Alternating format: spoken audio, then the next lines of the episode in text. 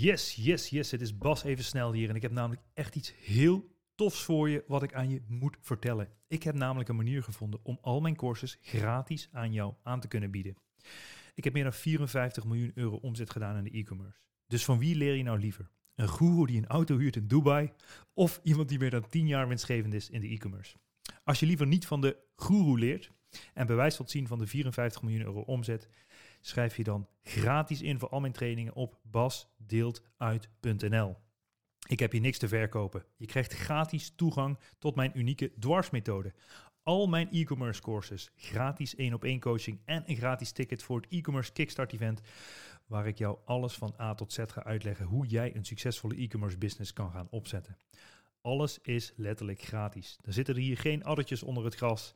Dit wordt namelijk mogelijk gemaakt door een subsidie die jij ook geheel gratis en kosteloos kan aanvragen. Je hoeft zelf niks voor te schieten en normaal kost dit pakket 2000 euro. Schrijf je snel in op basdeeltuit.nl om gratis toegang te krijgen tot dit hele spektakel. Ik zeg veel plezier met het luisteren van deze podcast en tot snel. Ciao, ciao. Dames en heren, vandaag in de Ondernemen op Slippers podcast de one and Ferry Vermeulen. Uh, Ferry is eigenaar van Instructive en mede-eigenaar van 24-Hour AR. Dit gaat allemaal om compliance omtrent handleidingen en regelgeving. Hij groeide op in Gemert, leerde het ondernemerschap uh, van zijn vader, die een eigen fabriek heeft in bevestigingsmaterialen. Studeerde industrieel ontwerpen in Delft en na zijn studie startte hij zijn eigen ontwerpbureau maar specialiseerde zich steeds meer in handleidingen en compliance. Hij woonde en werkte een tijd in Duitsland, maar reisde de wereld ook nog eens over. Bezocht meer dan 50 landen, waaronder Noord-Korea. Welkom Ferry. Dankjewel Dan.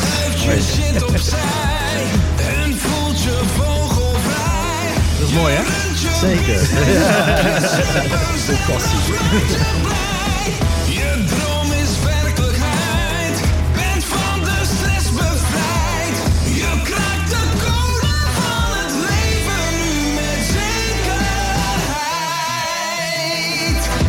Ja, mooi, Ferry. Uh, nogmaals welkom. Um, als je een podcast hebt geluisterd, is de eerste vraag die ik altijd stel: wat zou je doen als je nog drie maanden te leven hebt? Ik heb het gehoord. Ik heb het gehoord. ja. tijd, tijd, tijd gehad om over na te denken ook. Ja. Uh, dus, dus, misschien is mijn antwoord ook wel een beetje gebaseerd op dat wat ik al gehoord heb. Um, voorheen zou ik echt, zou mijn to-do-lijst eindeloos lang zijn. Ik wil dit nog doen, dat nog doen, de wereld rondreizen, ervaringen opdoen. Ja. Um, maar dat is denk ik wel uh, steeds meer geworden. Gewoon tijd waardevol besteden met uh, partner, uh, familie en vrienden. om toch nog één ding te, te noemen wat ik echt, echt dolgraag doe. Wat nu helaas even wat minder is, dat is dansen. Dus ik zou echt heel graag... ik zou nog iedere dag lekker naar de club gaan en voorin lekker gaan dansen, dansen, dansen, dansen, dansen. Cool. Drie, drie maanden lang. Maar echt dan nog een speciaal stijl dans of gewoon losgaan met een beetje... Techno, ja. Techno, oké, okay, cool. Ja, cool, ja, cool, cool. Maar hoor ik ook een beetje uit dat, het, dat de onrust dus een beetje is gaan dalen of zo? Die, of of ja. tenminste, je zou zeggen van nou, je, wil, je hoeft niet meer te reizen, maar je wil gewoon met de mensen waar je omgeeft wil je tijd doorbrengen. Ja, klopt. Ja, die onrust is wel, wel een beetje weg hoor. Dat is ook wel een lang traject geweest, denk ik, van uh, drie, vier jaar aan mezelf sleutelen. Ja. Ik denk dat veel ondernemers daar wel, wel last van hebben. Altijd weer iets nieuws willen doen. Altijd weer ergens anders bevrediging zoeken. Ja. De lat hoger leggen. Mm -hmm. Veel last van gehad altijd. Ook altijd weer nieuwe dingen doen, reizen enzovoort. En uh, ja, het is een lang, lang zelfontwikkelingstraject achter de rug. En ik kan nu wel zeggen, sinds een halfjaartje dat die storm een beetje is gaan, uh, oh, gaan wow. liggen. Ja. Heb, je nog een, heb je nog een key uh, ding wat je zou kunnen delen over wat voor jou echt de, de, de, de naald heeft bewogen om die rust te vinden? Uh, zeker wel, zeker wel. Dus er zit een aantal gewoon wel momenten in hoor, in dat hele traject. Waarvan ik denk van oké, okay, dat is echt wel een, ja, een key learning uh, geweest. Uh, ik, ik, heb altijd ook wel ja, mijn omgeving als mijn spiegel gebruikt. Dus als ik boos werd op dingen, dan natuurlijk was ik wel een tijdje boos. Maar vervolgens ging ik altijd kijken, oké, wat zegt dit over mijzelf? En dan, dan kom je altijd wel tot, uh, tot nieuwe inzichten over, je, over jezelf. En ik denk dat dat traject voor iedereen verschillend is. Dus net die dingen, ja, waar, waar loop jij tegenaan? En dan is het zaak om echt ja, naar binnen te gaan en te kijken wat, wat kan je helpen om daaruit te gaan kopen. komen. Is dat iets in je relatie waar je tegenaan loopt? Wat zegt dat dan over jezelf?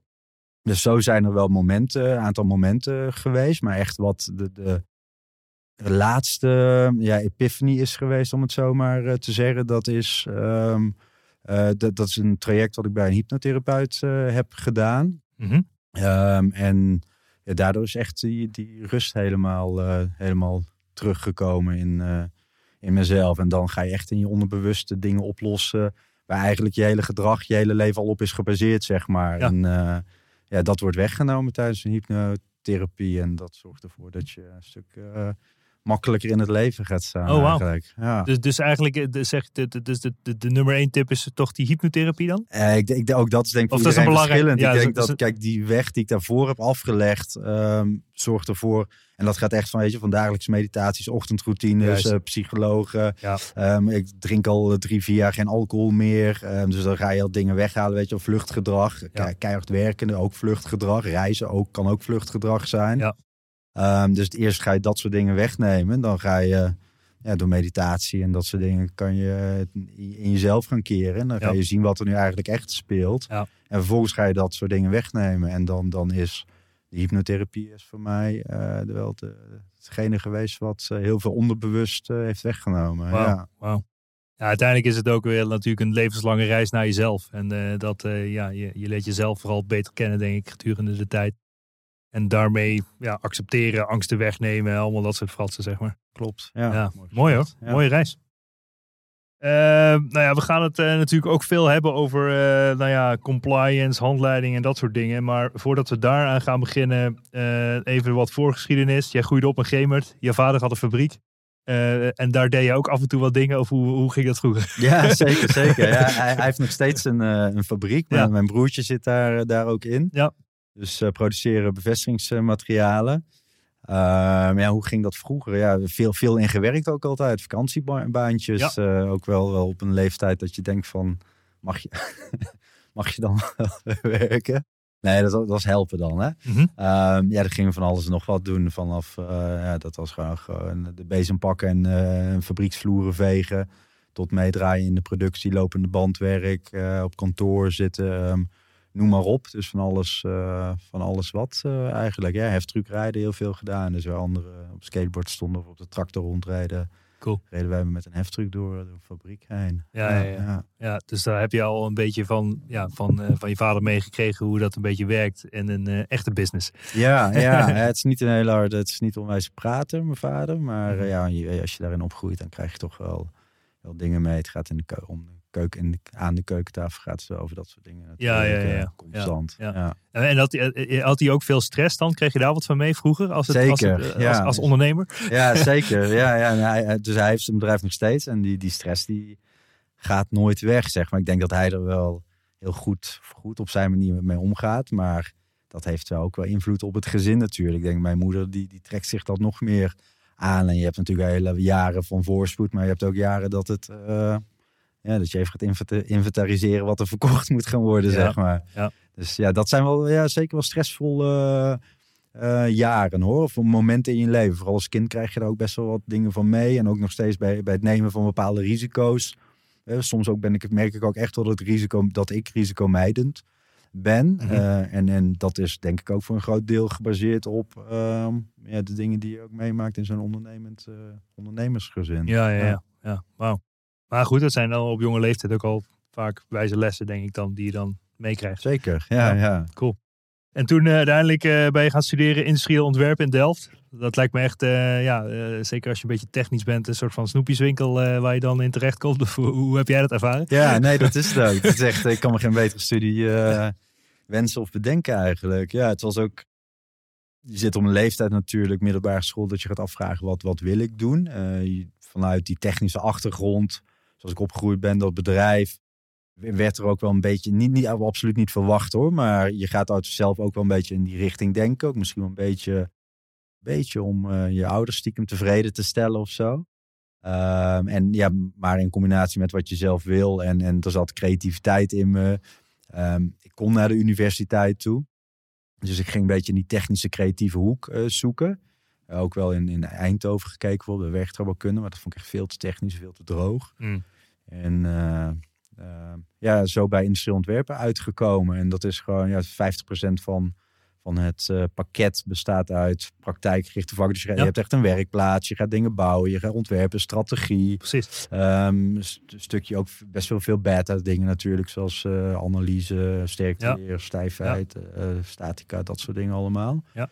Maar ja, verder een hele, hele vrije zelfstandige opleiding is het. Ja, ja. Wat was je tofste plek waar je terecht was gekomen, waar je, waar je eh, stage hebt gelopen of hebt gewerkt in die, tijdens die opleiding? Eh, de tofste plek waar ik terecht ben gekomen. Nou, ik, ik denk dat ik was wel heel erg fan van de, van de studietripjes hoor. Dus eh, ik denk dat ik al zes, zeven reisjes heb meegemaakt. Ik schreef me overal voor in. Dus, eh, Ja. De vetste was wel was Brazilië. Cool. En daar met de studiereis naartoe gegaan. En nog zes weken aan vastgeplakt. Dus echt helemaal langs de kust van Brazilië eh, gaan reizen. Dus daar, daar veel gezien. Veel leuke ontwerpbureautjes gezien. Maar ook veel van het land Ja. gezien. Cool. En wat deed je dan voor de studie daar? Ging je dan eh, fabrieken bekijken ook? Of eh, Ja, ook draaide je dat, mee ja. in bedrijven? Of hoe, hoe was het? Ehm, nou, sowieso werden er wel. ik moet even graven hoor. Het is lang geleden dat. eh, Terug naar eh, Brazilië? Ja, er zit een heel programma aan vast. Dus eh, bedrijven kunnen dan zo'n onderzoek, onderzoeksreis is het ook, Mhm. sponsoren. Dus we werden gesponsord door, de, door Otto, door Miele, door Philips. En dat zijn allemaal bedrijven die een project neerleggen. Dus ehm, voor, voor eh, Riedel was het volgens mij. Gingen we onderzoeken eh, wat, wat, voor, wat voor fruitdrankjes, wat voor drankjes daar populair waren. Om, zodat zij dat weer kunnen gebruiken om, om ja, nieuwe smaakjes te ontwikkelen voor de Oh ja. Europese eh, markt. Ja. Eh, voor eh, Philips zijn we echt eh, de sloppenwijken ingegaan om te kijken of daar eh, bijvoorbeeld brancards of andere medische producten ontwikkeld konden worden om mensen in de sloppenwijk eh, te, te helpen. Dat was echt wel heel spectaculair hoor, toen we daar, eh, daar waren. Cool. Ehm, ja, dus dat soort projecten. Otto maken vuilnisbakken. Ze hebben daar in verschillende steden gekeken hoe ziet het straatmeubilair eh, eruit en daar verslag over gedaan, wat weer tot nieuwe, ja, nieuwe, nieuwe inspiratie Mhm. moest leiden. Ehm, geeft het antwoord op je vraag? Ja, nee. eh, Ja? eh, Ja. Het is wel tof. Nee, ja, dus cool. cool. Dit is zeker dat dit soort projecten, de projecten deden we. En we gingen natuurlijk op bezoek bij bedrijven. Dus Juist. dat konden ontwerpbureaus zijn bijvoorbeeld. Ja. Braziliaanse ontwerpbureaus. Maar we zijn ook bij Mercedes geweest. Ja. Dus de, de, truck, eh, Mercedes Trucks in Brazilië. Cool. Dat werd toen, ik weet niet hoe dat nu is. eh, die, de president daar, dat was een Nederlander. Dus Mhm. we werden ontvangen. We gingen naar, naar het Nederlandse consul-generaal zijn we geweest. Dus jij doet al even. Dat, Ja, ja, ja. En die moet natuurlijk ook regelmatig dingen eh, bouwen, hè? Eh, toch? In elkaar zetten. Zeker. Eh, ja. wat, wat is dan het, het tofste wat je in elkaar hebt gezet? Ik, bedoel, ja, dat, ik ben gewoon benieuwd. Ik heb zelf ook een technische opleiding gedaan. dus we proberen altijd te denken van ja, dat, ja, dat is een coole dingen die je Ja, maakt, toch? ja, het zijn ook vaak nieuwe, vernieuwende dingen, toch? Die Ja, nee, ja, tuurlijk. Je, je leert gewoon, je, het is, zo'n opleiding eh, bestaat uit, uit, je leert om een markt te analyseren, Ja. om bedrijven te analyseren, Ja. concurrentie, dus interne analyse, ik ga je kijken naar, het bedrijf, naar een bedrijf, wat zijn de, de, de sterktes, Mhm. externe analyse, wat doen de concurrenten, wat doet de markt, wat zijn trends.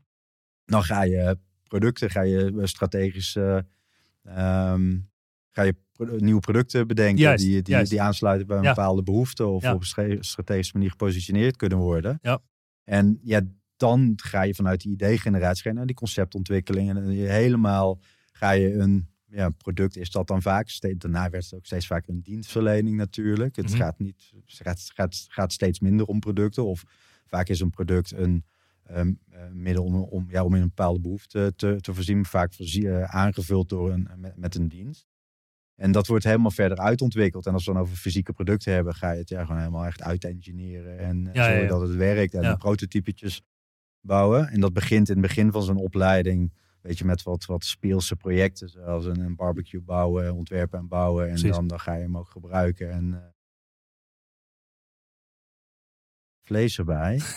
en ver vervolgens gaat het naar, ook naar, naar een ballenbaan. Zit je op de universiteit, ga je een ballenbaan Ja, ja, ja. ontwerpen. Ja, naar steeds serieuzere eh, producten. En, en dat zijn eh, power tools. Dus eh elektrische Oh ja, cool. Dingen naar eh, toen tijd. Dus MP devices ontwer- ontwerpen. Oh ja, ja. Ehm, ja, dat soort, Dat eh, soort dingen. dingen. Ja, Ja, ja, ja. Cool. Producten die door, door, door mensen gebruikt worden. En dat kunnen consumentenproducten zijn of dat kunnen wat industriële Ja, ja, eh, ja. producten. Cool. En zat jij dan ook in je eigen schuurtje een, een, een helikopter in elkaar te knutselen of zo? Of is dat Ja, nee, dat gebeurde wel. Ja? Ja, ja, Cool. goed. Wel studie gerelateerd. Dus ehm, wel altijd, ja, nee, ik was altijd wel aan het bouwen inderdaad. Maar dat zijn mijn brommetjes opknappen. Nog steeds Precies. een, kever aan het, eh, aan het opknappen. Ja, Een lang project trouwens. Maar eh, Ja, ja, ja. ja. en verder weer voor de studie ging je ook dingen, dingen bouwen en uitproberen. En ik had Ja. geluk dat, dat mijn pa dus ook een fabriek heeft met grote werkplaatsen bij. Dus ik kon daar ook altijd wel op eh, houtmachines en Cool. eh, metaalbewerkingsmachines dingen eh, maken. Ja, ja, ja. ja. leuk man. Maar na je studie ben je dus je eigen ontwerpbureau gestart? Ja, klopt. Ja, direct, eh, denk een paar dagen later na afzet. Je hebt gewoon nooit echt voor een baas gewerkt? Nee, Ja, top. nee. Dat is nee. top, toch? Nou, Of ik, ik, ik heb wel een... nee, zeker, zeker fijn. Ja, Ja. Ik heb wel na mijn studie nog even een bijbaantje gehad. Dus dat is echt in die op, opstartperiode Ja. geweest. Dus dat was een bedrijf wat aan de TU Delft was eh, gelieerd. In de, ehm, ze mm, maken dingen voor de chipindustrie. Mhm. En daar, eh, daar ging ik gewoon part-time werken. En in de tussentijd ging ik mijn bedrijf opzetten. Je begint met een website bouwen, en je logo ontwerpen en dat soort dingen allemaal. Dus eh, mijn echte, echte baan heb ik, eh, zeg maar echte baan, het verlengde van mijn studie, heb ik nooit, nooit. Nice. En, en, en, en voor dat ontwerpbureau, hoe zag dat eruit? Wat, wat deed je daar? Bij dat eerste, bij het eerste bedrijf? Ehm, producten ontwerpen, Ja, ja, ja, Veel al voor het eh, midden- en kleinbedrijf. Ja, je begint net en je, je, je moet wat. Nou ja. Dus eh, het is heel erg je, weg, je weg vinden. Je wordt een beetje eh, je lot overgelaten natuurlijk. In de veilige wereld van studeren. En ja, dan, dan, dan moet je het zelf gaan doen. Dus we hebben het product ontwikkeld. We deden het op zich best wel goed, moet ik zeggen. Je had wel echt wel een aantal grote gevestigde ontwerpbureaus in Nederland. Ehm, dus het was wel lastig. En Nederland is natuurlijk maar een klein land. En je hebt, je hebt niet zo heel veel groot bedrijven in Nederland. Ja, de Unilevers en de Philips. Eh, en, en die hadden wel hun eigen ont, on- ontwerpbureaus waar ze mee werkten. Dus wij richten ons in het begin echt op het MKB. Mhm. Eh, producten, veel van verschillende producten ontwikkeld. Ook weer een barbecue, een hele innovatieve gasbarbecue kan ik me zo herinneren. Een hele serie spellen voor, niet direct voor McDonald's, maar die bedrijf dat weer spellen aan, aan kinderhoeken eigenlijk, aan McDonald's, Albert Heijn, ziekenhuis en dergelijke Ja, ja, levert. Eh, voor de, de bio-industrie hebben we wat, wat producten ontwikkeld. zijn wat technischere producten. Ehm, wat, wat sloten voor vrachtwagens. Van alles en nog wat eigenlijk. Cool. ja. Cool man. Maar ja, dus, dus, maar het bleef jeuk. En daarna heb je een beetje een soort van pivot gemaakt of zo. Want je ging je steeds meer in de handleidingen eh, eh, specialiseren. Waar is dat vandaan gekomen dat? Ja, dat, klinkt zo saai. hè? maar, maar, maar, maar het is vast heel boeiend. Ja, ja, nou ja, Alles waar je in verdiept wordt op een gegeven moment wel, wel boeiend. eh. Ja. En, en eh, ja, het, het is... ja, al- als je op een feestje vertelt dat je, dat je een business hebt, die handleiding eh, schrijft, dan zie je de ogen meestal al wegdraaien op zoek, op zoek naar een nieuwe gesprekspartner of zo. Behalve Ja. als je met ondernemers praat, die denken dan, oh ja, interessant, weet je. Laatst, laatst zei iemand, ik ben, ik speel nu eh, hang, ben hang aan het leren. Was dat? Eh, zo'n muziekinstrument, zo'n rond, of eh, nee, zo'n, weet je, Oh, met van die- Aziatisch ding. zo Met van die verschillende plekken waar je verschillende... Ja, ja, Ja, ja, ik ken precies. Ja, ja. Een hang heet dat, oké. hangleraar, dat is ook wel echt een ondernemer. Mhm. die, die, die zei, op een gegeven moment stuurde hij een appje. Hij zei, hoe is het met de handleidingen, zei hij. En ik dacht van, ja, meent hij dat nou serieus of niet? hè? Dus ik, ik had eerst twee dagen geen reactie gegeven. En ik zeg, eh, ik- merk enige, enige vorm van cynisme. Hij zegt, hoezo man? Ik zeg, nou ja, de meeste mensen die... eh, Die, eh, die interesseert het niet zo heel erg veel. Hij zei, ja man, hoe kutter, hoe vetter. dat is wel goed. Ja, vanuit ondernemersperspectief is het gewoon wel, wel interessant. Zo zijn we er ook e- eigenlijk in terechtgekomen. En we, we hadden dat ontwerpbureau, dat ging best wel goed. We waren vooral heel handig, ook Ja. in die tijd, een, het aanvragen van subsidies. En we werkten met een aantal kennisinstellingen. En dan kon je eh, subsidie, die kon, kon een bedrijf subsidies aanvragen als zij eh, met een kennisinstelling samenwerkte. En dan ook nog mocht een x percentage daarvan eh, worden uitbesteed aan een commercieel bedrijf, zoals het onze. Ja. Dus dat ging best wel heel goed, maar dat was ook geen, geen, ja, geen lange termijn business doel. Je, je wist dat die subsidies op een gegeven moment die subsidiekraan dichtgedraaid zou gaan worden. En we wisten ook dat we niet de beste ontwerpers waren. Je had die, hele goede grote ontwerpbureaus. Ondernemers zat er denk ik wel in. Eh, en we waren gewoon op zoek naar ja, wat meer naar een niche. Van, ja, het ontwerpen is ook vaak zijn wat langere trajecten. We waren toen met z'n tweeën. Je gaat, je bent gewoon aan het acquireren, een nieuw project ben je aan het vinden. Dan heb je een project, dan zit je met z'n tweeën, zit je daar een paar maanden op en dan val je weer in een gat en dan kan je eigenlijk weer eh vooraf aan. Zo ging dat bij ons in die tijd in ieder geval. Ze dachten, Mm. ja, we moeten, we moeten iets hebben, wat kleinere projecten, die, die, die wat voor een vaste inkomstenstroom nog, eh, nog gaan zorgen, wat schaalbaar is ook. En toen hebben we die barbecue waar ik net over had, die hebben we voor gasbarbecue van klant ontwikkeld. En dat bedrijf, die zeiden van, hey, jullie hebben die barbecue nu ontwikkeld. Ehm, kunnen jullie ook niet, er moet daar ook een handleiding bij komen, die handleiding gaan, gaan maken. En we dachten, ja, weet je, we hebben dat hele product, alles in 3D staan. Daar kunnen we gebruiken om goede lijnillustraties van te maken. Ik vond het altijd heel interessant om in die wet en regelgeving te duiken. Nou, Mhm. Gasbarbecues kan je wel voorstellen als behoorlijk eh Ja. dichtgespijkerd qua, qua wetgeving. Dus ik was me helemaal op die hoogte van, ik was helemaal op de hoogte van die wetgeving. En dan in die no- normen heb je dan over. Dan zie je ook dus allerlei eisen waar de. Oké, vanuit de wetgeving kunnen we dat ook wel, wel dicht timmeren. We zijn ontwerpers, dus we, konden goed designen, konden met Photoshop, met Illustrator eh, werken, InDesign. Dus we hadden eigenlijk best alle elementen. Dus we zijn die handleiding gaan, gaan maken. En toen dachten we van, hé, hey, dat, dat, is, dat ziet er best wel tof uit eigenlijk. En we konden ook nog garanderen dat hij aan wet en regelgeving voldeed. En eh, toen dachten we, hé, hey, daar hebben we misschien wel iets, iets te pakken. En dat was echt 2006, 2007. En toen was internet, eh, in ieder geval de SEO-wereld, net in opkomst. En eh, toen dachten we, toen hebben we wat, wat domeinnamen geclaimd, zoals handleidingschrijven.nl en wat, wat content opgegooid. Nou, echt binnen een week ging je, stond je al eh, hoog in, Ja. in Google. En toen ging je wel een aparte telefoon, weet ik nog, aangeschaft met andere ringtoon op kantoor. En eh, aan het eind van die week ging die telefoon voor het eerst. Het was zo, ja, ja, ja. Het was meteen aan de Akai, de Japanse eh, audio of ehm, elektronica merk aan de telefoon. En toen ging het best wel hard eigenlijk in één keer. Cool. een eh, bedrijf dat, eh, dat handleiding eh, maakt. En dan ga je verdiepen. En dan Cool. wordt het in één keer toch best wel heel erg interessant. En, en ja, weet het heeft heel veel met, met gebruiksvriendelijkheid te maken. Je gaat echt die, de, de psychologie in. Ja. Ehm, je moet mensen, je moet dingen leren, dingen overbrengen. Ehm, je hebt het niet alleen over print output, maar ook over online handleidingen. Ja. Dus hele websites eromheen bouwen, enzovoort, enzovoort. Content management. Dus het werd steeds interessanter en ook uh, ja, business-wise. Dus. Cool. Cool, man. Ja, ik had altijd zo'n eh, zo'n eh, zo'n grap. Ik, eh, bedoel, ik, heb, ik zit zelf natuurlijk ook in de e-commerce. En daar zitten ook wel vaak handleidingjes bij. En dan hadden we altijd, bij de klantservice hadden we altijd de grap van de RTFM. Dat was de afkorting. en dat stond voor, staat voor Read the Fucking Manual. ja, precies. en dat is, dat is meestal wat klanten gaan dan echt allemaal vragen. Die klantenservice in te spuien. Terwijl als ze gewoon de handleiding checken, dat het gewoon, ja, dat, dan Ja. kunnen ze het gewoon checken, zeg staat maar. vaak in. Ja, ja, ja, Ja, Maar ik vind zelf ook wel, soms zit je ook dingen vooral bij, bij dingen waar een helpdesk desk aan gekoppeld zit. Of Ja. zit je online, dan zit, Ja. je, zit je bij de FAQ's. En je- ik denk altijd van ja, mijn, mijn vraag staat er toch niet tussen. Dus ik, ik wil gewoon ook bellen Ja, ja, ja, of ja, eh, precies. precies. een mens spreken. Ja, maar het is toch ook bekend dat, dat de vrouwen die gaan meestal de handleiding lezen. En mannen die trekken die doos open, gooien de handleiding weg, zeg maar. En gaan dan gewoon lopen prutsen. Ja, het zou kunnen, zou kunnen dat verschil is. Ja, ik heb ook wel eens begrepen dat een leeftijd Oh, dat kan dingetje is. Dus hoe ouder je wordt, Ja. hoe safer je wilt gaan spelen. Dus oudere Ja. mensen neigen ernaar om eerst de hele handleiding door te lezen. Ja. Voordat ze überhaupt dat product eh, in, hun handen nemen. Ja, ja, ja. ja. ja. Ja, interessant. Maar dan, dan, dan, heb, dan eh, denk ik van een handleiding maken, hoe, hoe spannend is het? Maar dat, dat ga jij me nou vertellen.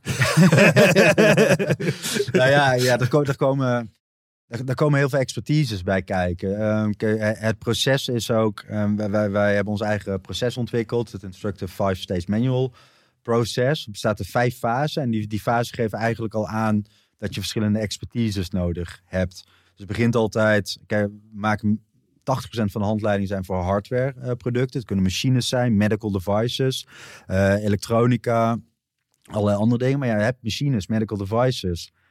Daar, daar, daar ga je al, weet. Dat, dat, dat is best wel, eh, daar moet je best wel weten wat je, wat je gaat doen. Mhm. Hoe je dingen gaat uitleggen van een, van een MRI-scan of een, eh, een of andere in, in vitro eh, diagnostic device. Wat gaat over analyse van, van, Oh ja. van, van bloedcellen bijvoorbeeld enzovoort. Ja, Ja. Dat, dat moet goed uitgelegd Ja. worden. Er mogen geen fouten gemaakt worden. Ehm, dus kijk, in, in die fasering beginnen we altijd met van wat is het product? Is het een machine? Is het een medical device? Is het een elektronica? Eh, is het gereguleerd? Wat zegt de Europese wetgeving over de documentatie? Want ja, er zijn richtlijnen, er zijn verordeningen in Europa. Die geven allemaal eisen wat, wat er in die documentatie verplicht moet komen. Mhm. Vervolgens zijn er technormen. Die zeggen ook allemaal iets wat, wat er in die documentatie eh, moet komen voor, voor specifieke producten. Dus richtlij- richtlijnen zijn wat algemener. Die zeggen, geven zeggen bijvoorbeeld in, in sectie 1.7.4 van de machinerichtlijn Ja, ja. staan, staat gewoon een hele lijst van 23 dingen van dit moet in iedere machinehandleiding komen. Mhm. Maar dan heb je bijvoorbeeld een norm voor circular saws bijvoorbeeld, of voor, voor power tools, of voor wat voor machine dan ook. Die zeggen dan heel specifiek, nou voor een, voor een cirkelzaag moet er dit in komen.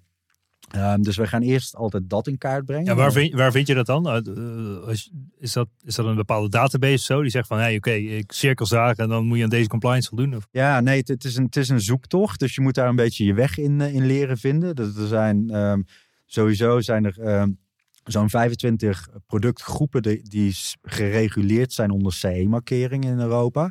Dus dat zijn dus die machines, eh, elektronica, medical devices, personal protect- protective equipment. Dus daaronder vallen bijvoorbeeld mondkapjes en, en zonnebrillen. Dat is allemaal personal protective equipment. Ehm, je hebt het dan over ehm, gasinstallaties, ehm, in vitro, medical devices, eh, eindeloos, of eindeloos, 25 producten. Ehm, daarnaast heb je 20.000 normen. Dus onder die, die productgroepen kan je eigenlijk zeggen, daar, daar hangen normen, dan meer dan 20.000. En ehm, richtlijnen die, kan je, die zijn gratis beschikbaar. Dus die kan je vinden op de website van de Europese Unie. Ja. Dus zodra jij weet van oké, dit product, bijvoorbeeld deze, noem maar wat, ehm, speelgoed bijvoorbeeld, is ook gereguleerd. Dit speelgoed, dat heeft ook nog eens elektronica en zit ook nog eens een Bluetooth eh, module in bijvoorbeeld. Dus dan heb je al, dan moet het aan de Toy Directive voldoen. Dan moet het aan de Radio Equipment Directive voldoen vanwege die Bluetooth eh dinges. En het moet ook nog eens aan de EMC-richtlijn voldoen, Mhm. omdat het elektronica is. En ook nog eens aan de Roche-richtlijn, Mhm. die weer eisen geeft aan de zware metalen die in de Ja, elektronica plastic. gebruikt moeten worden. Sorry? Ja, of is het niet plastic? Nee, dat is niet, eh, niet het plastic. Nee, nee, nee.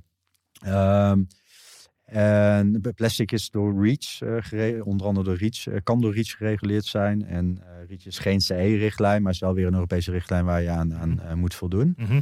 Ehm, maar je dus eerst ga je kijken naar wat, wat voor product heb ik. Het is speelgoed. Dan hebben we het nu al over vier verschillende, vier van de 25 Mhm. CE-richtlijnen die van toepassing zijn. En die kunnen eisen geven aan de, aan de, eh, de inhoud van die handleiding. Dan kan het specifieke type speelgoed kan ook nog eens een norm hebben waar eh, de ja, nog aanvullende eisen in beschreven staan. Mhm. Dus ik kijk nog steeds in die fase 1. Ik zou even wat sneller door die fases gaan. Dan, dan Ja, ja, dat, ga eh, maar rustig oh, serieus? Ja, Ja, Nou goed, ik bedoel, ik denk dat het interessant is voor, voor, voor in ieder geval de mensen die luisteren, om dat ook een beetje te begrijpen, zeg maar. En ik vind het zelf ook interessant om te begrijpen, want dit is echt, dit is het vlak waar ik in mijn misschien wel hele ondernemers eh, e-commerce carrière het minste aandacht heb aan gespendeerd. Ja, Terwijl af en toe kreeg ik wel eens een brief van een voedselwarenautoriteit dat het eh, niet goed was. ja nee, precies. Ja, ik weet ik veel, dat zei ik toen, ja. Ja. maar goed, jij gaat me dus vertellen hoe, ik het, wel, hoe ik het wel kan weten. Precies, ja, ja. Weet ik zoals niet het goede antwoord Niet. voor de, voor de marktautoriteit. Nee, toch niet. Ehm, ja, du- dus ja, dat, dan heb je dat legal framework eigenlijk. Ja. Weet je, dit is product, dit is wetgeving, die is van, van toepassing. En, en dit zijn de minimale eisen waar mijn handleiding... We hebben het nu alleen nog maar over de handleiding. En nog, Ja. niet, nog eens niet over... Maar Dit zijn dus de eisen waar de handleiding aan moet voldoen. Ja. Voor de Europese Unie? Of hoe ja, moet ik het zien? klopt. Ja, Dus, en dus, dus met andere woorden, als de handleiding er niet bij zit of hij voldoet niet aan, dan je, krijg je dan boetes? Of? Ehm, er, kunnen, er zijn vers- verschillende pitfalls die, die kunnen ontstaan eigenlijk. Mhm. Ehm, kijk, als jij bijvoorbeeld een product gaat importeren vanuit, eh, van, vanuit. China, vanuit Ja. Azië en het komt hier aan bij customs, douane zal kan, kan de handleiding absoluut controleren. Over het algemeen gaan zij eerst kijken of een conformiteitsverklaring bij zit. Dus als we even als we het over het hele CE-markeringsproces hebben, waar die handleiding ook een onderdeeltje van is, dan ehm, begin je ook met: oké, dit is mijn product, dit zijn de wet, dit is de wet en regelgeving die, die van toepassing is. Mhm. En dat is stap 1. Het CE-markeringsproces bestaat uit zes stappen. En stap 6 ga je ehm, een conformiteitsverklaring opstellen. Waarmee jij als importeur van dat eh, stuk speelgoed bijvoorbeeld, of eh, vanaf de, die, eh, eh, ehm, een kitchen equipment of een verlichting, ik noem, noem, noem het maar op, gaat verklaren: oké, ik als importeur en wettelijk gezien, jij wordt als importeur wettelijk als de fabrikant, de Europese fabrikant gezien. Ik verklaar dat dit product aan alle Europese wet en regelgeving eh, voldoet. En ik neem ook mijn volledige verantwoordelijkheid voor dat product. En dat is jouw verplichting. Dat moet jij doen zodra jij dat product op de Europese markt zet. Nou, daar ga je al, denk ik. Want dat Ja. weten heel veel ondernemers en vooral internetondernemers weten dat niet. Dat zij echt die verantwoordelijkheid dragen. Ehm, dus dat over die conformiteitsverklaring. Dus die, die wordt vaak door de, de douanebehoorde de autoriteiten gecheckt. Om te kijken of degene die het importeur het importeert wel weet waar die mee bezig is. En of die dus, ja, of, of de, de richtlijnen goed benoemd zijn, of de normen benoemd zijn, of een handtekening onder staat van de Europese importeur. En, en waar, waar regel je dat document dan? Dat moet je zelf opstellen. Ah, ja, precies. Oké, ja, ja dus ook, ook dat weer. Kijk, als je... Dat, doen, dat doen jullie ook of dat is het een, ja, wij mogen partij? dat in principe niet doen. Wij, wij begeleiden daar wel bij. Okay. Dus wij kunnen wel uiteindelijk zeggen, oké, um, je moet een technical file gaan opbouwen. Dat is ook een van de stappen van, je, van je proces. Dus als jij bijvoorbeeld een product gaat importeren, dan uh, kunnen wij, wij zeggen, oké, um, zorg ervoor dat je verpakkingen hier aan voldoet, dat je handleiding hier aan voldoet, dat je dit op je productmarkering zet, Juist. dat je deze testen hebt uit laten voeren. Mm -hmm. En als wij, wij kunnen dan meekijken en wij kunnen je technical file controleren. Op een gegeven moment kunnen we zeggen, nou, nu voldoet het. Mm. En nu hier heb je een template, uh, vul deze maar in op deze plek en zet je handtekeningen eronder. Uiteindelijk ben jij degene die ja. die, die uh, verantwoordelijkheid neemt en die dat document moet, uh, moet ondertekenen. Ja. Maar even terugkomend op jouw vraag, want vaak wordt dat document dus gecheckt, die conformiteitsverklaring. Als een douane ziet dat daar ja, wat mis mee is, en dat is best wel snel al. Bijvoorbeeld hij is opgesteld door een Chinese fabrikant. Nou, Mhm. dat, dat, dat kan Ja. vaak. Of hij is niet. er niet.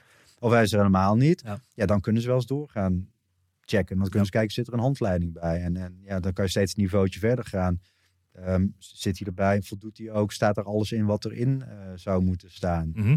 Dus dat is één ding wat er kan gebeuren. En het andere ding is, een handleiding is voor fabrikanten vaak de laatste mogelijkheid om hun aansprakelijkheid af te schuiven. Dus jij hebt als, als marktpartij, als, als verkoper, de plicht om veilige producten op de markt te Juist. brengen. Jij kan ervoor zorgen dat, dat je de eisen uit de richtlijn hanteert. Je kan normen toepassen om ervoor te zorgen dat jij veilige producten eh, op de markt brengt. Ja. Maar heel vaak heb je altijd, je, ja, de meeste producten, die, daar, daar kleven nog wat restrisico's aan. Weet je? Een elektrisch iets, dat, dat mag je niet in een vochtige omgeving gebruiken. Precies. Ehm, of, of niet buiten gebruiken. Of eh, niet, kinderen jonger dan drie jaar mogen het niet gebruiken. Of het mag niet, helemaal niet door kinderen gebruikt worden. Pas voor eh, mensen boven de 14 jaar. Dus dat soort, ja, je moet daar de gebruiker tegen waarschuwen. waarschuwen. Eén, om ervoor te zorgen dat het product veilig gebruikt kan worden. Want dat is jouw plicht. Mhm. Maar twee, ook om je eigen aansprakelijkheid natuurlijk af te, te, te dichten. Ja. Dus als jij een hand, geen handleiding, geen goede handleiding op de markt brengt, die ook niet ehm, gebaseerd is op een risicoanalyse, die dus ook geen goede eh, veiligheidsinstructies eh, bevat, dan, dan kan je dus aansprakelijk worden, worden. Oh, wauw. En doe je dit alleen voor Europa of ook voor Amerika? Ja, doe ook voor Amerika, zeker. Want daar Ja, is het daar ja. dan nog strenger. Want ja, bedoel, als je daar niet erop zet van eh, het mag niet in de magnetron en eh, je stopt de kat in de magnetron, zeg maar, dan. eh, Ja, ja. Nee, dat, is, dat, dat denkt men vaak, dat het daar strenger is. Oké. Maar de claims zijn gewoon hoger. Eh, sowieso, er wordt ook eerder geclaimd. Er is een claimcultuur natuurlijk. Maar, maar Ja. dat, dat, is, dat komt met name omdat daar het hele product safety en product liability gebeuren anders in elkaar zit. In Europa is het gewoon heel erg gereguleerd. Dus echt per productgroep, precies wat ik net zeg. Er is al aangegeven, dit moet erin staan. eh, zo kan je, dit kan je doen om te voorkomen dat, enzovoort. En als jij ervoor zorgt dat jij de richtlijn hebt gevol- gevolgd, dat jij ook normen hebt toegepast om ervoor te zorgen dat je aan die eisen uit de richtlijn voldoet. Mhm. Want een norm is een manier om aan de eisen uit de richtlijn te voldoen. Misschien een beetje complex nu, zoals ik het nu nog uitleg. Ehm, maar dan creëer je het vermoeden van overeenstemming. Dus Mhm. stel dat er iets gebeurt, maar jij kan als fabrikant aantonen: ja, maar ik heb er echt alles aan gedaan. Kijk maar, Mhm. ik heb die normen toegepast. Ja, dan is de kans maar heel klein dat een rechter zal zeggen: ja, oké, meneer, u bent, u bent toch schuldig. Mhm. In Amerika is dat wat anders geregeld. En, en nog één ding over Europa. In Europa heb je ook een eh, eh, algemene productaansprakelijkheidswet. Ja. Die zegt eigenlijk dat als je als bedrijf geen veilig product op de markt hebt ge- gebracht, dan ben je automatisch aansprakelijk. In Amerika bestaat zoiets niet. Dus in Amerika heb je, je hebt ook echt wel, wel wat eisen hoor. Maar ehm, daar, ehm, of da- daar heb je als bedrijf en als consument heb je de duty to warn. En to warn. Nou ja. Eh, wat eigenlijk dus betekent, je- moet er gewoon alles aan doen om ervoor te zorgen dat je, dat je, dat je waarschuwt Nou ja. voor risico's aan je product. En of jij aansprakelijk wordt gesteld, dat wordt wel in de rechtszaak Oh, zo. Dat is vaak gewoon stickers plakken. ja, Gewoon, eh, niet geschikt voor kinderen van drie jaar en allemaal dat soort grote dus dan, dan, ja. eh, dat is het, zeker. Ja, ja. Maar eh, dan is de volgende vraag eigenlijk: oké, wat zou jij doen? Dan ben je een klein bedrijf, je koopt je eerste order in van eh, whatever, 5000 euro. Dan ga je verkopen op eh, Bol of Amazon. Ehm, hoe ga je dit eigenlijk zo efficiënt en zo goedkoop mogelijk aanpakken? Of is dat een uitdaging? Ehm, ehm, dat, kan een uitdaging zijn, ja, vooral Ja. zo goedkoop mogelijk. Ja. Ik, Nou ja, ik, ik merk ook, ja, internetondernemers willen vaak wat minder geld aan dat soort dingen, dingen uitgeven. Je ziet wel steeds veel meer mensen die echt serieuze merken aan het opbouwen Juist. zijn. En om echt een goede concurrentiepositie te krijgen, ja, st- steeds meer ook internetondernemers, internetondernemers willen hun zaakjes goed op orde hebben. Dus daar Ja. is echt wel een verschuiving aan de, eh, aan, aan de gang. Ehm, jou, jij zegt van je hebt 5000 producten bijvoorbeeld. En Ja, je je, wil stel, stel je doet je eerste order van 5000 euro. Ja. Importeer je uit Azië. Je hebt je eerste batch komt binnen. Ja. Eh, waarschijnlijk heb je hier nog niet eens over nagedacht op het moment dat je op Bol of Amazon wil zetten. Eh, maar hoe ga je dan te werk? Van hoe ga je nou efficiënt eh, die handleiding maken? Of ja, weet je, ik bedoel, ik kan me voorstellen als je een bedrijf meteen inhuurt en je hebt het budget er niet voor om die handleiding te laten maken.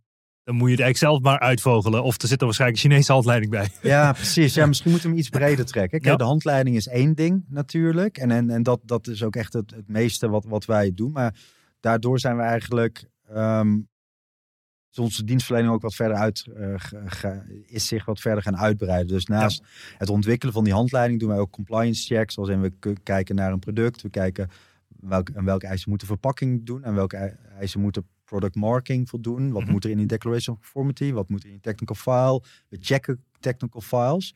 Dus uiteindelijk moet je dat hele CE-markeringsproces gewoon goed op orde hebben. Juist. Dus naast alleen maar eh, ehm, ervoor zorgen dat die handleiding goed is, eh, denk ik dat je gewoon eerst eens moet beginnen met: oké, welk product wil ik gaan importeren? Dus dan ga ik nog Ja. even een verder stapje terug. En bij welke supplier ga ik dat vandaan halen? Mhm. Want er zijn twee typen suppliers. Dat zijn de Aziatische suppliers die echt ervaring hebben met het verkopen aan Europese partijen bijvoorbeeld. Die weten wat CE-markering is. Die weten welke testen uitgevoerd, uitgevoerd moeten worden. En die dus hun zaakjes op orde hebben. En daarmee kan je heel veel problemen gaan voorkomen. Er zijn ook suppliers die, die willen gewoon verkopen. En die, die, die weten niet zo goed, eh, fabrieken, die weten niet zo goed. Zijn dat de hier- meeste die gewoon willen Eh, verkopen? nee, nou, Niet per se. ze willen allemaal aan verkopen. denk ik. maar degene die heel veel willen verkopen, die hebben zaakjes goed op orde, Ja, ja, denk ik. Ja, ja, exact. Die duurzaam, duurzaam willen Ja, verkopen. absoluut, absoluut. Ja, ja, Ehm, we zijn nu toevallig ook um, gisteren even naar die case gekeken. Dat is een, een, een Nederlands merk ook. Ehm hebben een aantal fitnessproducten, als in een personenweegschaal. Ehm, wat, wat hadden ze nog meer? Nog een, nog een ander product. En ook met de opdracht om eens te kijken naar mijn fabrikant, mijn leverancier ge- geeft dit technical file. Ik heb geen idee wat, wat, of dat nu allemaal klopt wat ze opsturen. Het zijn echt iets van 20, 30 documenten, testrapporten enzovoort, stempels erop, handtekeningen eronder. Maar ja, ze hebben geen idee. Hmm. En hij zegt, voordat ik het dus echt eh, laat overkomen, wil ik gewoon weten wat, wat, ja, of ik niet tegen problemen ga aanlopen. En dat, dat, is de, dat is de goede weg. Juist. Dus ga eerst maar eens kijken, wat, met wie werk ik samen? Ja. Nou, eerste product ben ik zelf naar gaan kijken. En, en ja, tot mijn verbazing, echt, echt, echt. Ik heb nog nooit zo goed, nog nooit zo'n goed technical file gezien. Testrapporten volledig volgens de nieuwste normen Ja. eh, uitgevoerd. eh, al, nagenoeg alles compleet. Normaliter leveren die Chinezen of de fabrikanten testrapporten aan, toch? Ehm, ja, ja dat, dat kan. Dat verschilt. ja, precies. Maar het is altijd de, de verantwoordelijkheid van degene die het product verkoopt. Om Ja. ervoor te zorgen dat dat technical file compleet is. En dat het ook voldoet aan de, aan de eisen. Ja. Ehm, ze kunnen het heel vaak aanleveren. Maar bijvoorbeeld een veel ko- voorkomende fout is dat het testrapport is op een bepaald modelnummer getest. Maar jij gaat het product onder een ander modelnummer op de markt brengen. Ja, daar, daar gaat iets fout. Mhm. Want stel dat een marktautoriteit dat er stond aan de knikker is.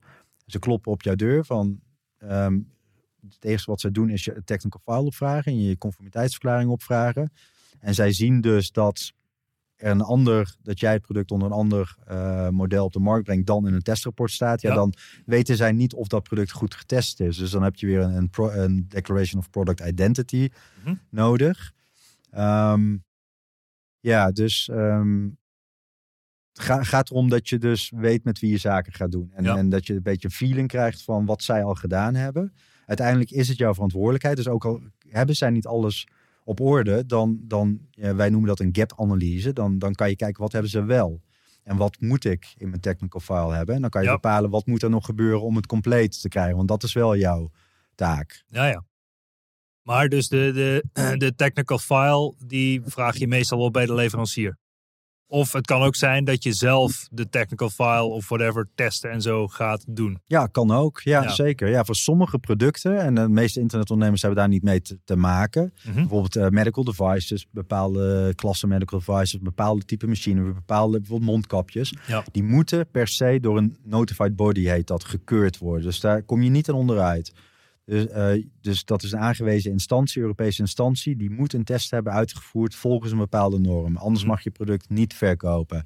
Voor heel veel speelgoed, ehm, eh, elektronische apparatuur, zoals verlichting of, of eh, keukenapparatuur, ehm, moet je ook wel testen uitvoeren, maar niet per se door een notified body. Mhm. Dus bijvoorbeeld, je moet testen op EMC, dus of het elektromagnetisch Ja.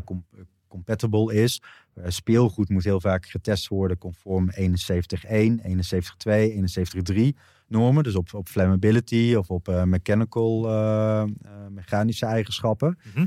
Ehm, dat zijn een soort van verplichtingen eigenlijk. Die je moet aantonen dat het product EMC compliant is. Of dat, dat het speelgoed met aan die normen voldoet. Maar die mag je in principe zelf uitvoeren. Nou, de meeste bedrijven, internetondernemers, die hebben gewoon geen EMC-testapparatuur thuis staan. Of, of kunnen speelgoed niet testen op. Dus dan heb je nog een derde partij nodig. En Ja. dan, kom je weer, dan kom je bij een testlab uit. Dus dan ga je naartoe en dan zeg je... Ja. Oké, deze testen moeten nog uitgevoerd eh, worden. Kunt u testen of eh, mijn product Ja, aan die eh, daaraan, vo- daaraan voldoet? ja, ja, ja. Maar de moeilijkheid begint er mij al aan bij stap 1. Is überhaupt weten wat je nodig hebt en moet doen. Want als je dat niet weet, dan, dan ben je dus eigenlijk sta je midden in het bos en heb je Ja. geen idee welke kant je uit moet lopen. Klopt. Ja, dat is En het. dan heb je dus een soort van ja, adviseur op zijn minst nodig. Van zeg van ja, dit moet aan. En dan lijst je normen voldoen. En dan kun je het best. Ja, dan moet je de juiste richting uit worden Ja, gestuurd. Zeg Dat maar. is het, dat is het. Ja, Ja, ja, ja, En, ja. en, en da- da- daarin kunnen wij dan begeleiden, Juist. inderdaad. Ja, Nou, ja. mooi. ja, dus dan gaan we stap 1 eens kijken. Wat is het product? Wat zijn de richtlijnen en normen? Cool. Ja, want, want ik, naar mij, ik bedoel, ik, ik draai een tijd mee, maar je hebt te veel, ja, laat ik zeggen, zolderkamerpiloten die op internet starten en die op, eh, beginnen op Bol of op Amazon te verkopen. Ehm, ja, dit, dit is totaal ondergeschoven. Dit, is, ik, ik, sterker nog, ik weet bijna zeker dat de meeste mensen hier niet eens aan kijken. Nee. Dus, dus daarmee, dat gezegd hebben, is dan de som dat bijvoorbeeld op een platform als Bol en, en op Amazon denk ik wat minder, omdat ze daar best wel streng zijn met die normeringen. En je moet daar gewoon vaak wel de juiste certificaten en dat soort dingen eh, overhandigen. Anders mag je niet eens in hun warehouse liggen. En zeker met batterijen of andere compliance, dat is super belangrijk natuurlijk. Maar dan denk ik dat het resultaat is dat er op Bol dus superveel wordt verkocht, wat eigenlijk niet per se aan de regelgeving voldoet als je er induikt. Ja, dat zou, dat zou kunnen. Ja, dat zou zeker kunnen. Die, die Ja. kans is aanwezig. We zien Ja. ook steeds meer dat, dat niet alleen Bol, maar ook eh, Amazon bijvoorbeeld, al, al die platformen, dat die steeds meer hun verantwoordelijkheid Ja. nemen. Dus het is een beetje een, wet- wettelijk gezien ehm, hebben zij niet die verantwoordelijkheid, maar vanuit de media, vanuit de markt, wordt er wel wat meer druk gelegd. Dus Ja. zij krijgen, zij nemen ook wel hun verantwoordelijkheid hoor. Dus er zijn dat er komen meer compliance afdelingen enzovoort. Eh, Ze, ze hebben, houden beter toezicht op wat er verkocht wordt.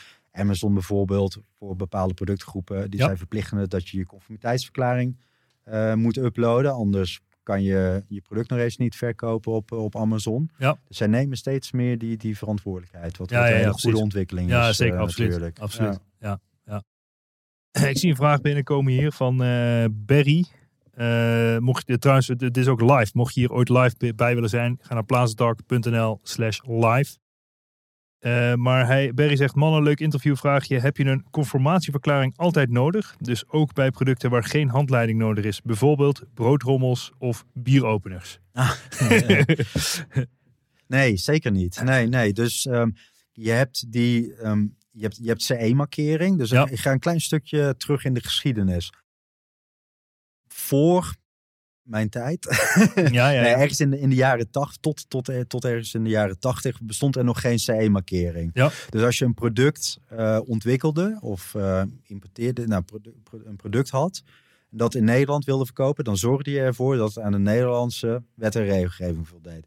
Als je het naar Duitsland wilde gaan verkopen, dan moest je ervoor zorgen dat het product ook nog eens aan de Duitse wet en regelgeving uh, moest voldoen. En zo voor ieder Europees land, had, ieder Europees land had zijn eigen wet en regelgeving. Precies. Toen heeft de Europese Unie op een gegeven moment gezegd, nou, dat kan makkelijker, weet je. We willen gewoon vrijheid van, uh, ja. van goederenverkeer binnen de Europese Unie. Dus om die reden is CE-markering ontwikkeld. En eigenlijk heeft de Europese Unie toen gezegd, alle producten moeten gewoon vrij door heel Europa uh, verhandeld kunnen worden. Maar er zijn een aantal productcategorieën, daar willen wij wel iets over zeggen. Want er zitten bepaalde risico's aan, zoals speelgoed, zoals elektronische apparatuur, zoals machines, zoals medical enzovoort. Dat is die lijst van 25 CE-productgroepen geworden. En daarvan zegt de Europese Unie, in plaats van dat ieder land zijn eigen wetjes en regeltjes heeft, gaan we dat op Europees niveau gaan we dat mhm. organiseren. Um, dus dan, wat er dus nu is, is CE-markering. Dus in principe mag je heel veel producten gewoon vrij door Europa uh, verhandelen. Um, die CE-productgroepen zijn gewoon wat, wat strenger gereguleerd. En alles, weet je, uh, kort door de bocht, maar alles wat niet onder CE valt, valt onder de General Product Safety Directive. Dus dat is mhm. één richtlijn voor eigenlijk alles wat geen CE-product is. Dus een opener bijvoorbeeld, daar heb je het al, of, of een luchtbedje. een broodrommel, ja. Broodrommel, um, dat, dat valt onder General Product Safety Directive. Broodrommel is weer een uitzondering trouwens, want daar heb je ook weer de, uh, de Food Contact Products uh, Regulation voor. Ja. Um, maar ja, dus, dus dan die General Product Safety Directive is een hele algemene uh, directive die eigenlijk alleen maar zegt je product moet veilig zijn. En hoe je dat doet, dat is afhankelijk van, van het uh, product. Mm Maar uh, wat was de vraag nu exact? Dat, of, ja, het ging, ja, heb je een conformiteitsverklaring altijd nodig? Ja, dus um, voor CE-producten, het antwoord is voor CE-producten ja. Daar heb je altijd een conformiteitsverklaring voor nodig. Uh, voor General Product Safety Directive producten heb je uh, geen conformiteitsverklaring nodig. Voor dat broodrommeltje, die moet dan weer aan die uh, food contact, contact ja. daar heb je ook een conformiteit. Dat is geen CE-product, maar heb je wel een verklaring voor nodig. Oké. En of dat nodig is, staat in de, ja, in de betreffende richtlijn die van toepassing is op jouw product. Dus dat zijn we weer. Eerst ga je kijken, wat is je product? Welke richtlijnen zijn van toepassing? En wat zeggen die? Wat voor eisen geven die aan ja, product? Maar het is complexe materie als je hier dus geen kaas van hebt gegeten. Dat is het zeker, ja. Want, want, ja, want je hebt de letter, dat is wat ik zeg. De meeste importeurs denken, ja, ik koop product in, ik verkoop het voor meer, prima en uh, geen gedoe. Ja. En, en, en die handleidingen dan, hè? stel ik heb bijvoorbeeld uh, tenten verkocht of zo, of dat soort dingen. Is, is dat dan een typisch product waar jij zegt van ja, hier kunnen wij ook een handleiding voor maken? Of denk je dan van ja, dat is een product, daar kun je beter gewoon zelf een paar tekeningetjes tegen elkaar gaan knallen? Uh, nou ja, dat, dat, kan je, dat kan je zelf doen. Uh, wij, wij, wij, wij willen handleidingen maken die waarde toevoegen. Dus die bijdragen aan de gebruiksvriendelijkheid, die bijdragen aan de, de customer journey. Dus als je echt, echt een merk gaat opbouwen, ja dan zou ik zeggen, ja, zorg ervoor dat je dan ook een deugdelijke handleiding erbij gaat, uh, gaat leveren. Als je snel geld wil verdienen, ja. dan, dan doe je dat nog even niet. Dan misschien, maar zorg wel voor dat die veilig is. Ja, ja, ja. En, maar mijn ideale handleiding is, ik noem het altijd die IKEA-handleiding, zeg maar. Hè? Dat is een soort van Donald Duck. Het is gewoon 1, 2, 3, 4, 5, een uh, boutje hier, moertje daar. Ja. Is, is, doen jullie dat ook of wel op die manier? Zeker. Ja, ja, ja. ja, ja. dat uh, zijn twee typen. voor Urban Arrow maken we bijvoorbeeld uh, alle heel veel spare parts. Dat is die dus- bekende elektrische bakfiets, is dat toch? Die Urban Arrow. Ja, ja, ja, ja, Gezellen doet het trouwens ook. Ja. Um, maar um, dat zijn, zijn heel veel spare parts uh, mm-hmm. hebben zij ook. Dus dat, dat, dan heb je het over een montage van bepaalde onderdelen. Juist. En een montagehandleiding kan heel vaak ja, op een IKEA manier worden uitgelegd. Um, als je dan echt wat, wat meer gereguleerde producten gaat komen, dus elektronica, dan heb je bijna altijd wel met bepaalde veiligheidsdingen te maken. Dus krijg je met tekst je met tekst te maken. Maar ja, nee, komt, komt veel voor ook dat wij IKEA-achtige uh, handleidingen maken. Handleidingen maken, ja. ja. ja. nu een aanvraag voor een, voor een, uh, een uh, doe-het-zelf sauna ontwikkelaar. Dus ja. echt een, ja, een gewoon een pakket voor een sauna in de ja, zetten. Ja, exact. Ja, ja, en dat kan volledig met een, een visuele montage-instructie worden uitgelegd. Cool. Ja, maar dan zorg je, of zorg je dan ook ervoor dat de sauna-kachel aan de eisen voldoet en de handleiding juist is en of, of niet? Absoluut, ja, dat is wel het pakket wat wij nu aanbieden. want de handleiding die erbij zit, heeft, houdt daar nog geen, hand, geen rekening mee. Ja, ja, ja, ik snap het. Ik snap het.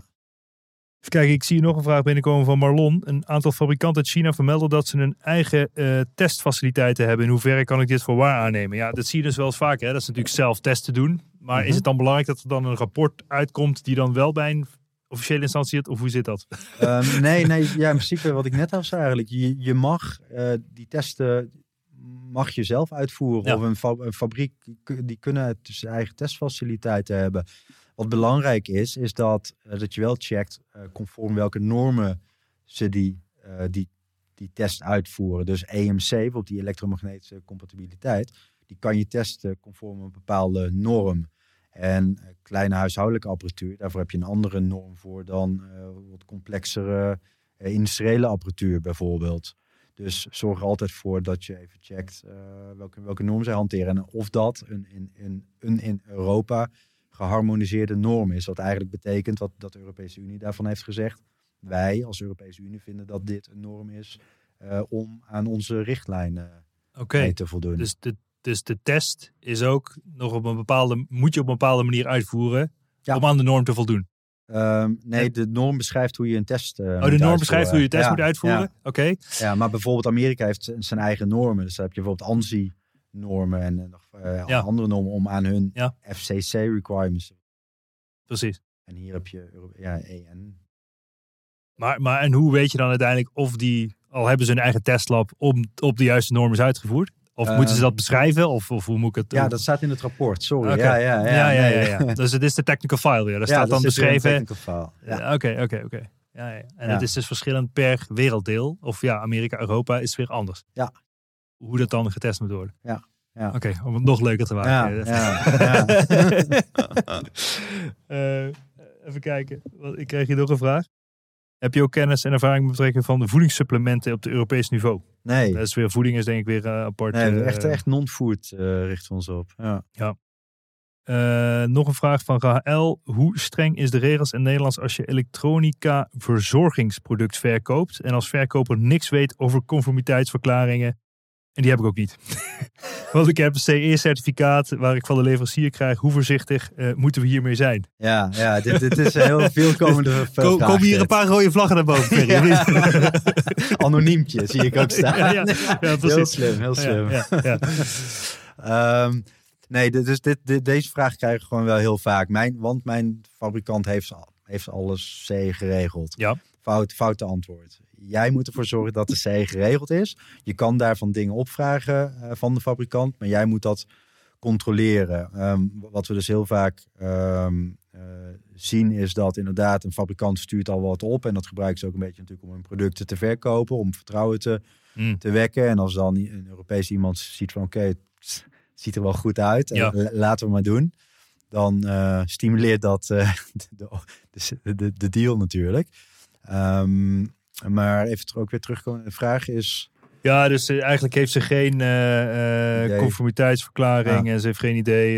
ze heeft een CE-certificaat van de leverancier. En Hoe Ja. voorzichtig moeten we hiermee zijn? En het is dus een elektronisch verzorgingsproduct. oké, elektronisch verzorging, dat is nog vrij breed. Hè? Wat, wat zou dat kunnen zijn? Ja, een stand, elektrische tandenborstel kan dat zijn ja, bijvoorbeeld. bijvoorbeeld een haringsapparaat of Ja, een ja. meter wegtrekker of, of Ja, ja, ja, het kan ook een laserproduct zijn natuurlijk. Een IPL-achtig IPL. Ja, ja, dat, dat wordt medical device, Dat wordt, begrepen ja, tegenwoordig. Dat, Ja, dat is dat is- al... knap.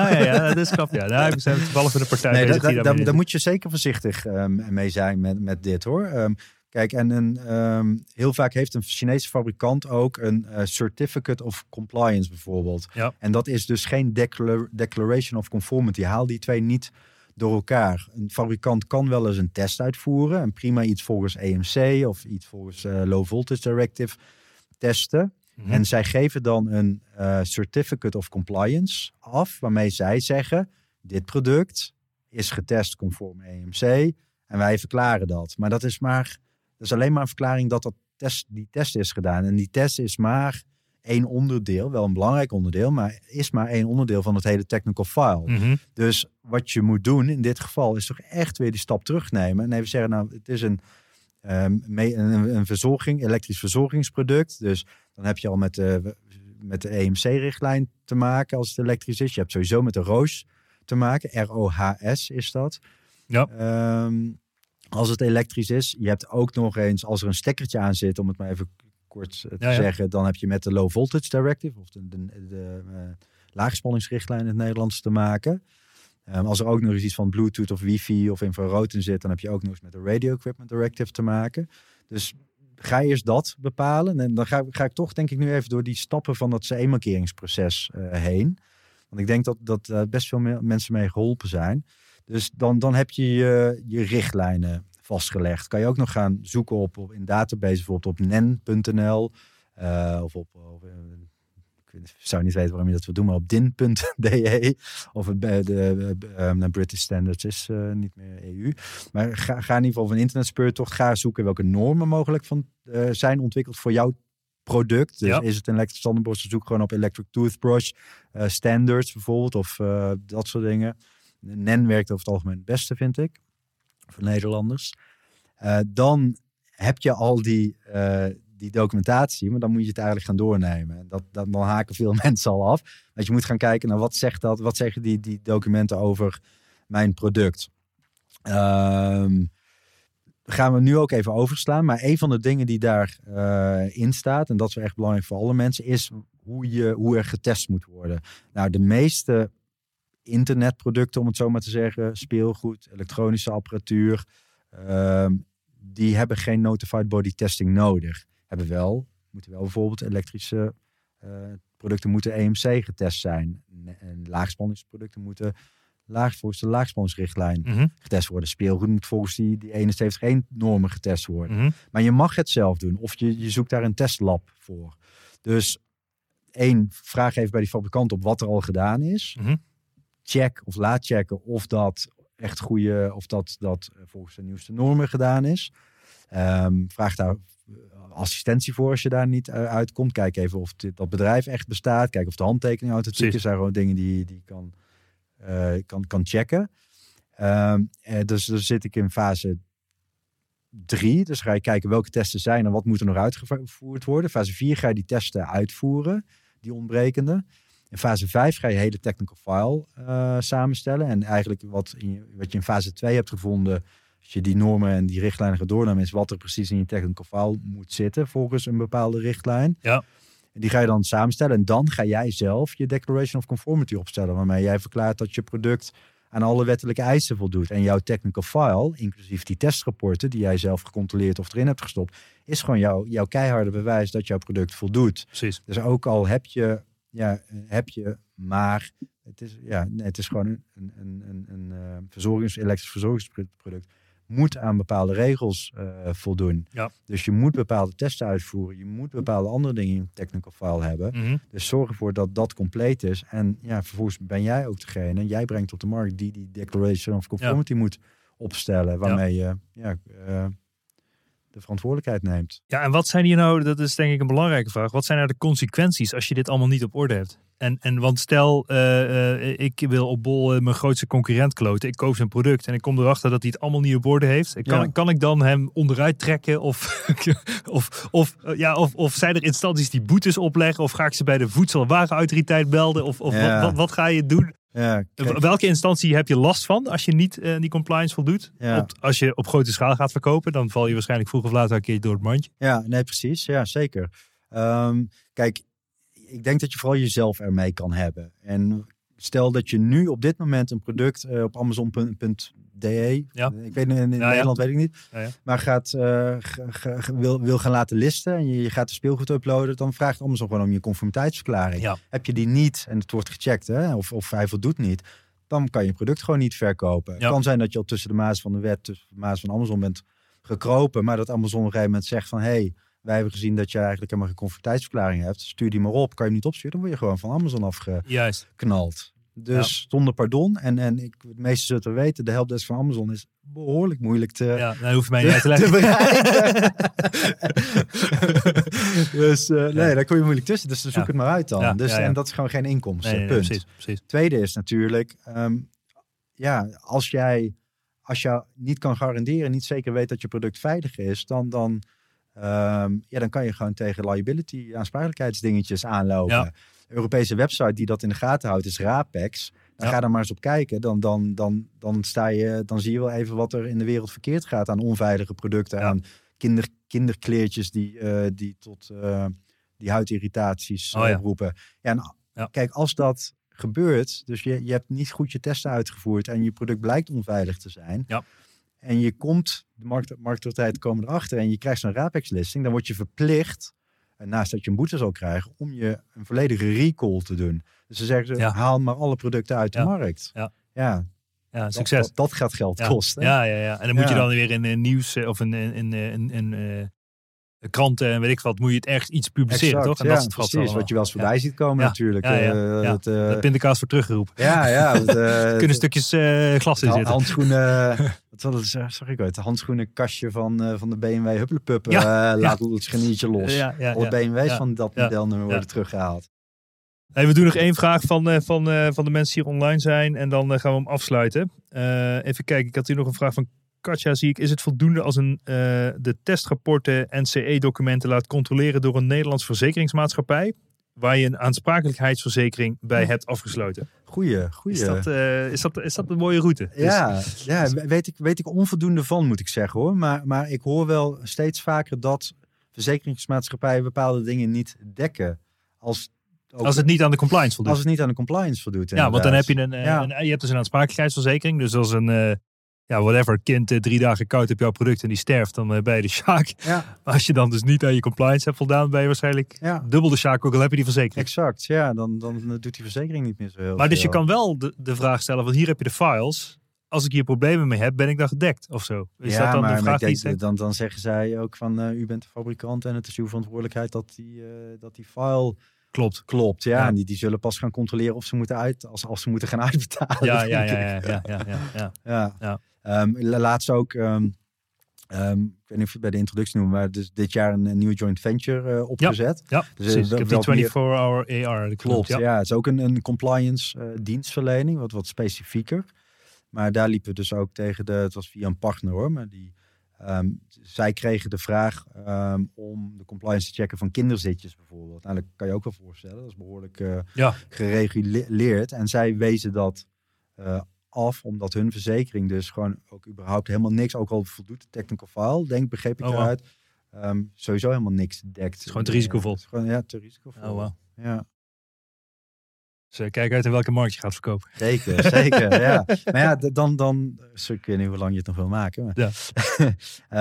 Kijk, als internetondernemer, in het begin zag je heel veel dat mensen zich gingen richten op met General Product Safety Ja. Directive producten. Dus gewoon niet al te veel wet en regelgeving enzovoort. Ja, die markt die raakte echt flink verzadigd. Ja, Dus je ziet ook wel een shift dat ja, als je dat gewoon wel serieus geld verdienen is. Als je jezelf toch iets moeilijker maakt en Ja. een productgroep neemt eh, waar niet iedereen in durft te stappen bijvoorbeeld. Dus als jij wel goed je zaakjes op orde hebt en wel goed weg weet, ja, dan opent dat ook wel weer nieuwe Ja. mogelijkheden Precies. bijvoorbeeld. Dus Juist, eh, juist. Dan, dan onderscheid je ook wel ja op de long term doe je hier alleen maar je voordeel mee. Absoluut, Ja, ja, absoluut. 100%. Ja, tof. Tof man. Hey, laten we hem eh, langzaam afsluiten. Oh ja, ik wilde er nog alleen over hebben. Je hebt veel gereisd ook. Je zei ook even tussen deze bedoel, ja, ik heb ook wel meer dan 50 landen bezocht. Eh, waaronder Noord-Korea. Ja, Eh, was dat het, het spannendste land waar je, waar je geweest bent? Of, sowieso. eh, ja? sowieso. Ja? Ja? Ja, ik denk het wel. Ja, Het is heel bijzonder om daar geweest te Ja. zijn, zeker. ja, ja. En had je ook het idee dat als je dan in je hotelkamer lag, dat je werd afgeluisterd en dat soort dingen? Ja, daar had je wel rekening mee. Ja, zeker. Ja, ja, je gaat je natuurlijk echt wel verdiepen in zo'n land. eh, en en ja, in één keer hoor je natuurlijk alle nieuwsberichten en lees je ze allemaal. En. Enzovoort. Dus ja, je, en je krijgt twee staatsgidsen. Wij, wij kregen twee staatsgidsen mee. En die, die halen je 's ochtends om zes uur van je hotelkamer. En die breng je daar ook weer s'avonds om acht uur eh, weer, weer naartoe. En dat, daar kom je dus verder ook. Ja, je hebt geen eh, vrij leven. Je mag niet vrij rondlopen of zo. Bizar. En je, Maar ja, kom je er wel makkelijk in? Dus als je zegt, ik ga op vakantie Noord-Korea, dan... Nee, ja, daar moet je een proces eh, voor, voor volgen. Dus op, op dat moment toen wij gingen, dat is 2012 was dat, toen bestond ook de, de was het het honderdste geboortejaar van Kim Il-sung, dus de oprichter van, van Noord-Korea. Dus dat was echt grote, grote evenementen, militaire parades. Ja, ja, zo. ja, ja, ja. Die hebben we ook gezien. Cool. Ehm, maar ehm, ja, toen had je drie bureautjes, drie reisbureautjes, zeg maar, waarbij je kon boeken. Dus die met hele nauwe contacten met, met de Noord-Koreaanse regering. Ja. Dus een soort van goedgekeurde bureautjes. Ja. Dus via hun moet je boeken en dan ga je gewoon die, die procedure in en al eh, ja, opsturen, word je gescreend eh, en dat soort dingen. Had je motivatie dan om daarheen te gaan? Of vond je het gewoon cool? Ik vond het gewoon cool. Ja, Ja, ja, Het, was, het was het natuurlijk een land wat het verste afstaat van, van wat wij hier eh, kennen. Dus ik vond het gewoon heel Ja, intrigerend om daar eens een kijkje te gaan nemen. Ik had in eh, Mongolië had ik ook een reis gemaakt. En dan zat ik met ook een gast in de auto die dus... ehm, eh, ja, dat is, de Amerikanen houden Noord-Korea dus heel goed in de gaten. En hij zat een soort van in die, eh, in die spy... eh, ja, hij mocht ook bijna niks vertellen natuurlijk. Want hij, maar hij eh, hield dus letterlijk die Noord-Koreanen in de gaten. Dat was eigenlijk zijn job. En er zitten allemaal boten en, en andere instanties en gebouwen... en whatever, hoe ze het allemaal aanpakken, weet ik van niet. Maar dat houden ze gewoon continu in Noord-Korea in de gaten. Omdat Ja, dan, ja. ja. Bizar, hè? Ja. Leuk man. ja. Top. Ehm, waar kunnen mensen eh, meer over jou vinden? Of als ze hun check willen hebben op handleidingen, compliance, weet ik veel wat voor frats. eh, gooi je even een eh, commercial erin van 30 seconden, vind ik. Ja, top, top. ja, dat is in- instructive.com.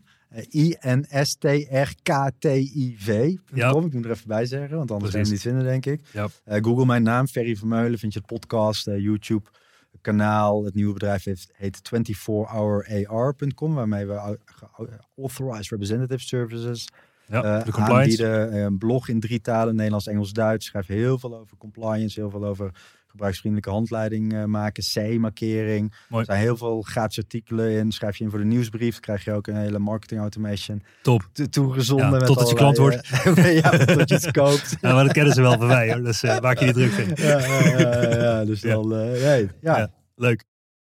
Top man. Eh, nou, zijn er nog dingen die heb ik iets niet gevraagd wat ik had moeten vragen? Ja, wa- waarschijnlijk kunnen we weer nog drie uur doorlullen, maar precies. Ja. Ik denk dat het gezien, nee, het is, het is een, Leuk. Het is een, eh, een pittig onderwerp. Dus Ja, ik vind het wel knap dat je, dat je hier ook eh, goed dat je hier een, eh, een, podium voor eh, aandacht aan geeft. Ja, vind ik ook. Ik denk dat het heel relevant is. En ik zie het ook aan de mensen en de vragen. En dus dat het, ja, dat het echt relevantie heeft, zeg maar, voor de community ook. moeten. Ja, precies. Top man. Eh, dank voor je komst, Ferry. Ja. En eh, nou ja, tot snel. Dank je voor de uitnodiging. Dankjewel.